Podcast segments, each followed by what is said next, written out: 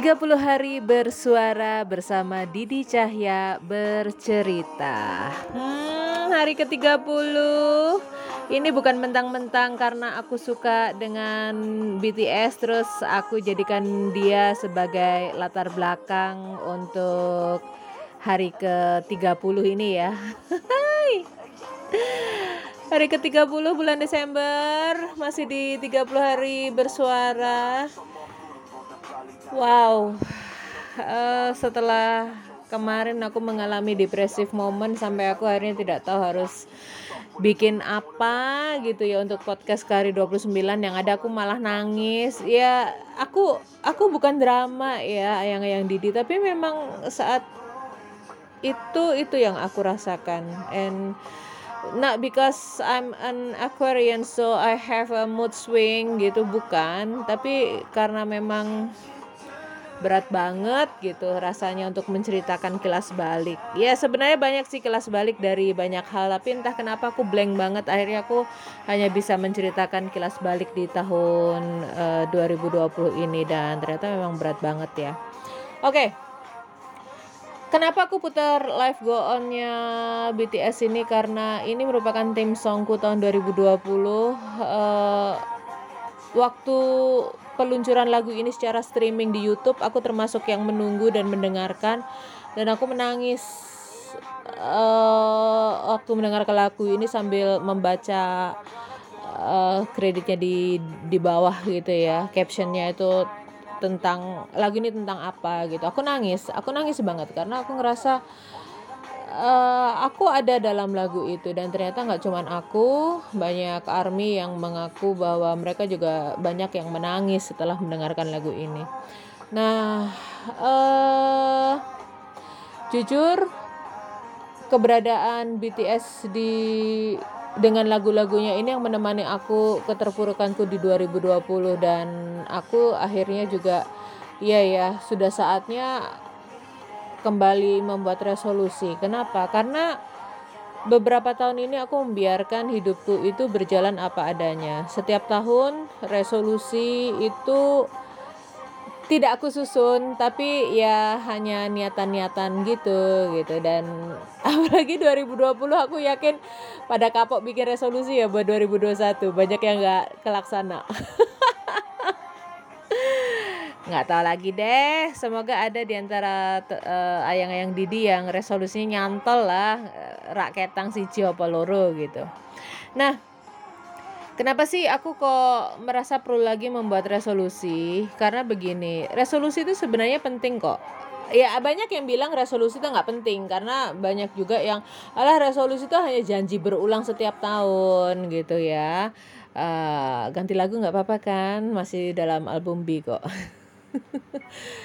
Jadi banyak yang bilang bahwa resolusi itu cuma janji-janji yang setiap akhir tahun disusun dan tahun berikutnya di akhir tahun lagi hanya dilihat dan ternyata dari sekian list hanya sekian dan itu akhirnya diulang di tahun berikutnya.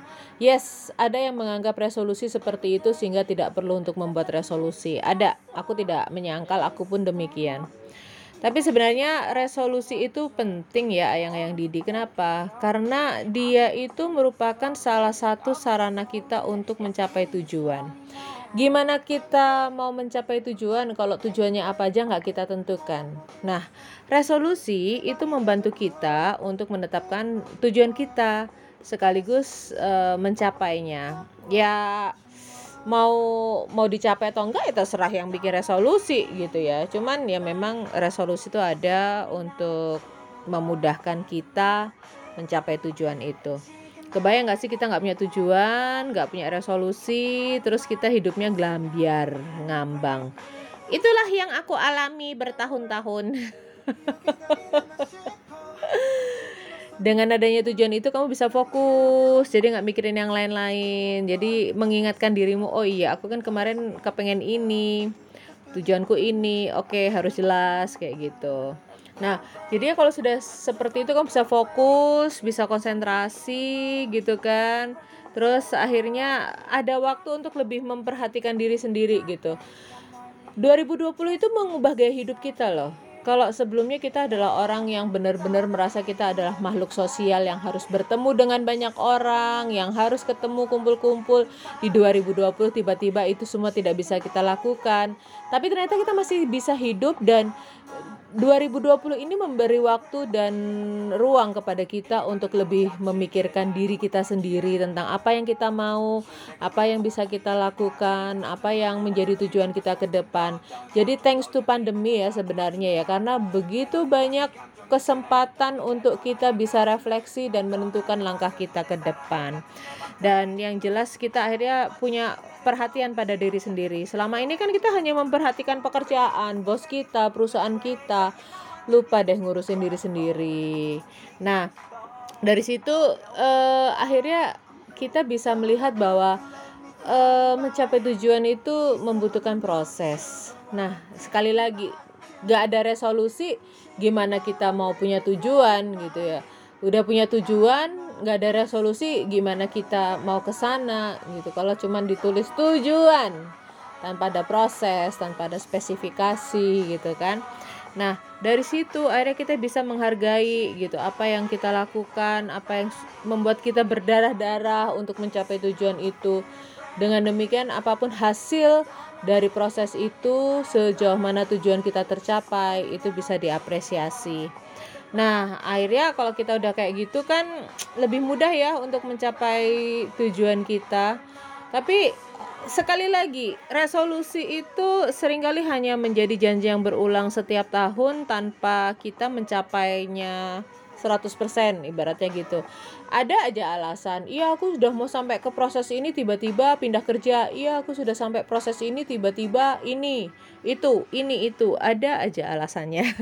Ayo ngaku. Itu kan yang membuat resolusi menjadi tidak terpenuhi, tidak tercapai gitu. Kenapa seperti itu? Karena apa ya? Kita hanya membuat satu gambaran besar Paham maksudnya nggak sih? Misalnya gini. Resolusi tahun 2021 aku ingin menjadi lebih bahagia. Itu kan satu gambaran yang sangat besar, sangat luas. Bahagia itu apa sih? Gitu. Bahagia bahagia seperti apa sih yang kamu inginkan di 2021? Uh, eh, kalau aku bahagia itu kepinginku 2021 itu aku akan lebih bahagia kalau aku uh, masalah kesehatanku tertangani dan masalah masalah keluargaku juga teratasi. Ya, aku nggak bisa mengungkap di sini ya, karena tidak semua resolusi itu bisa diucapkan dan diketahui banyak orang. Itu itu spesifik. Jadi nggak yang 2021 pokoknya aku mau bahagia, boyo apa carane? Nggak, nggak seperti itu. Nah, dari situ kamu bikin langkah kecil, langkah kecil aja. Seperti misalnya gini, aku mau mengatasi masalah kesehatanku. Langkah kecilnya apa?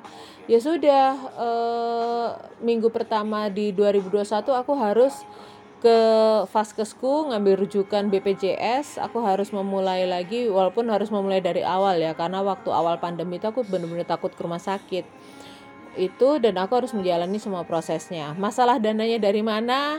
Ya ya sambil dicari gitu sambil berdarah-darah juga. Ya semoga mungkin ada ayang-ayang di dia mau ngasih dana, dana hibah. Itu jadi itu langkahnya kecil aja tapi kamu jalan. Kamu nggak nggak cuman ngam apa ya ngawang gitu loh. Jadi lakukan itu step by step. Langkah kecil tapi konsisten continue. Nah itu tadi kan aku udah bilang ya aku akan bahagia kalau aku lebih sehat uh, aku cuman dua itu titik titik beratku 2021 adalah aku kembali sehat uh, dan aku uh, bisa membereskan permasalahan permasalahan pernikahanku. Kenapa? Kalau dua itu udah beres, aku bisa cari kerja, aku bisa pindah pulau, aku bisa ke mana pun aku mau karena semuanya udah tertangani. Nah, jadi nggak nggak nggak muluk-muluk resolusi ke 2021. Cukup dua itu aja diatasi. Dan itu spesifik. Jadi nggak yang yang Aku mau punya rumah. Oke, okay. bayangin rumah yang kamu inginkan itu apa, tipe berapa, danamu ada berapa, caramu untuk mencapainya itu bagaimana, spesifik. Oh, jangan gerambiang toh itu kalau gerambiang ngambang kayak gitu, kamu bermimpi, kamu bukan bikin resolusi ya just dream. Ya udah tidur aja kali-kali aja bangun kamu terus ada di rumah barumu ya siapa tahu gitu ya. Nah cari cari dukungan. Aku sendiri bersyukur di akhir tahun barusan aja aku selesai whatsappan juga sama seorang teman yang dia mengatakan kamu kamu maju. Uh, apa pun yang ingin kamu lakukan kamu maju. Tuh kan nangis lagi nangis lagi lah kok yang yang Didi ya ampun. Tapi dia dia bilang aku akan support kamu uh, dengan cara yang aku mampu uh, mungkin ya dengan cara yang dia mampu. Jadi bukan yang aku minta tapi dengan cara yang dia mampu. Itu sudah membesarkan hatiku untuk menjalankan resolusiku di 2021 nanti. Hidup gue berat banget ya di 2020 sampai resolusi aja nangis ya sudah jalani aja. Uh, sebagai manusia beriman aku meyakini bahwa kewajibanku sebagai manusia adalah aku berusaha sekuat tenaga sebaik aku mampu uh, dan aku harus tawakal apa pun yang hasil yang diberikan oleh Allah kepadaku jadi kita tidak akan membayangkan bahwa itu berhasil atau gagal tapi just do it. Just just do our best yang kemudian nanti hasilnya seperti apa ya kita harus terima gitu. Karena kadang-kadang kegagalan di mata kita itu kan sebenarnya cara Allah membelokkan kita untuk mendapatkan ini ya solusi yang lebih baik gitu ya. Nah udah gitu aja sih sesimpel itu. Dan kamu juga aku aku nggak tahu ya eh, apa pun yang aku lakukan entah itu urusan pekerjaan masalah kehidupan atau apa aku tuh punya timeline. Jadi uh, trimester pertama aku ngapain? Habis itu trimester kedua ngapain? Itu. Dan kita bikin bikinlah tujuan jangka pendeknya apa jangka panjangnya apa. Sesimpel itu kok sebenarnya untuk menyusun resolusi. Dan ya ya nggak ruwet sih. Cuman memang tantangan kita itu adalah saat kita menjalankan besok. Nah resolusinya udah dibikin disusun. Syukur-syukur kalau kalian modelnya yang tertulis ya aku tuh uh, tipe-tipe mind mapping terus dari mind mapping itu dibikin uh, periodenya yang ini tercapai kapan kapan kapan gitu. Ya ya supaya resolusi kita tidak sekadar janji yang kita ulang setiap akhir tahun kita laksanakan awal tahun tahun depannya gitu lagi. Dan aku nggak menjanjikan apa-apapun di 2021 mengingat 2020 itu semua janji ambiar buyar gitu ya. Tapi yang jelas itu tadi aku ingin jadi orang yang lebih bahagia uh, dengan dengan mengatasi masalah kesehatanku dengan menyelesaikan urusan pernikahanku. Uh, itu dulu.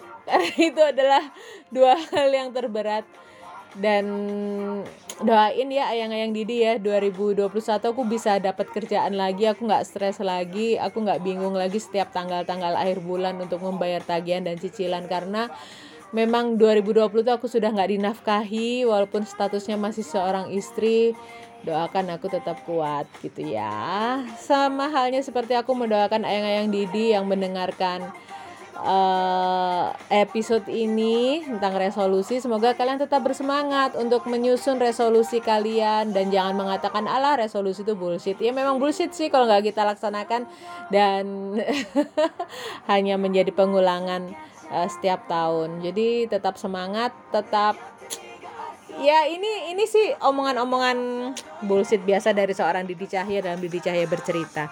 Tapi semoga beneran deh. Aku berharap ini bisa membuat kita semua maju bareng ya di 2021.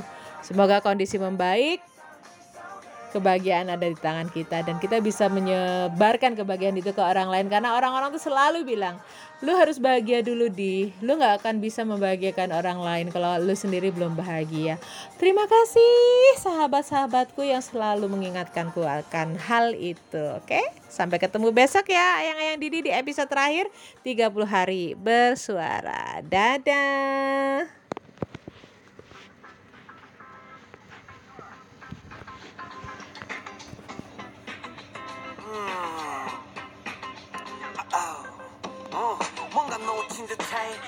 i'm hoping more people are